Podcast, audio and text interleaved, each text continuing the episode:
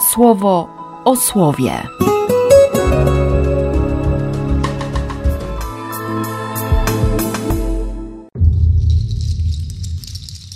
15 października, sobota.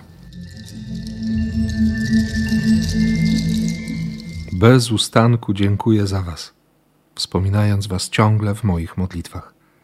I proszę w nich, aby Bóg Ojciec wszelkiej chwały udzielił Wam w duchu Pana naszego Jezusa Chrystusa wszelkiego oświecenia i mądrości, potrzebnych do lepszego poznania Jego samego. Proszę także o to, aby On sam otwierał oczy Waszych serc, ku lepszemu pojmowaniu tego, czym jest nadzieja, do której Was wzywa, czym bogactwo Jego chwały, którą macie odziedziczyć wraz z innymi wierzącymi, oraz czym jest nieskończona Jego potęga, której z całą mocą używa względem Was.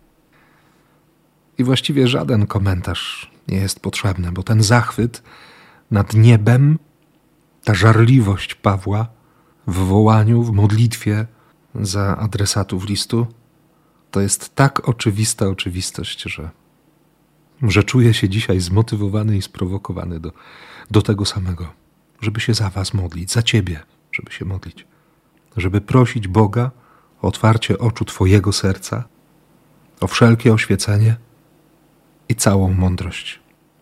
I Bogu dzięki, że dziś też w liturgii stajemy obok świętej Teresy Wielkiej tej kobiety, która była wypełniona ponad miarę łaską. Mieć taką bliskość, taką relację, po prostu tak kochać. I myślę, że, że Jezusowi właśnie o miłość chodzi, kiedy, kiedy odzywa się też do tych swoich najbliższych. O tym, że jeśli ktoś publicznie przyzna się do Niego przed ludźmi, to On się przyzna przed aniołami, i że jeśli brakuje nam miłości do ludzi i potrafimy powiedzieć złe słowo o innym, to jest szansa na przebaczenie, na, na odpuszczenie tego grzechu. Ale, jak to powie Jezus, kto trwałby w postawie bluźnienia duchowi uświęcającemu, świadczącemu o mnie, nie zostanie odpuszczony. Straszne takie życie, w którym się nie przyjmuje miłości, nie, nie przyjmuje się dowodów łaski. Życie z zamkniętym sercem życie, w którym wszystko jest ważne i o wszystko się walczy, tylko odpuszcza się relacje z Jezusem. Więc życzę Ci dziś miłości i łaski na Twoją miarę, według tego pragnienia, które jest w sercu Jezusa.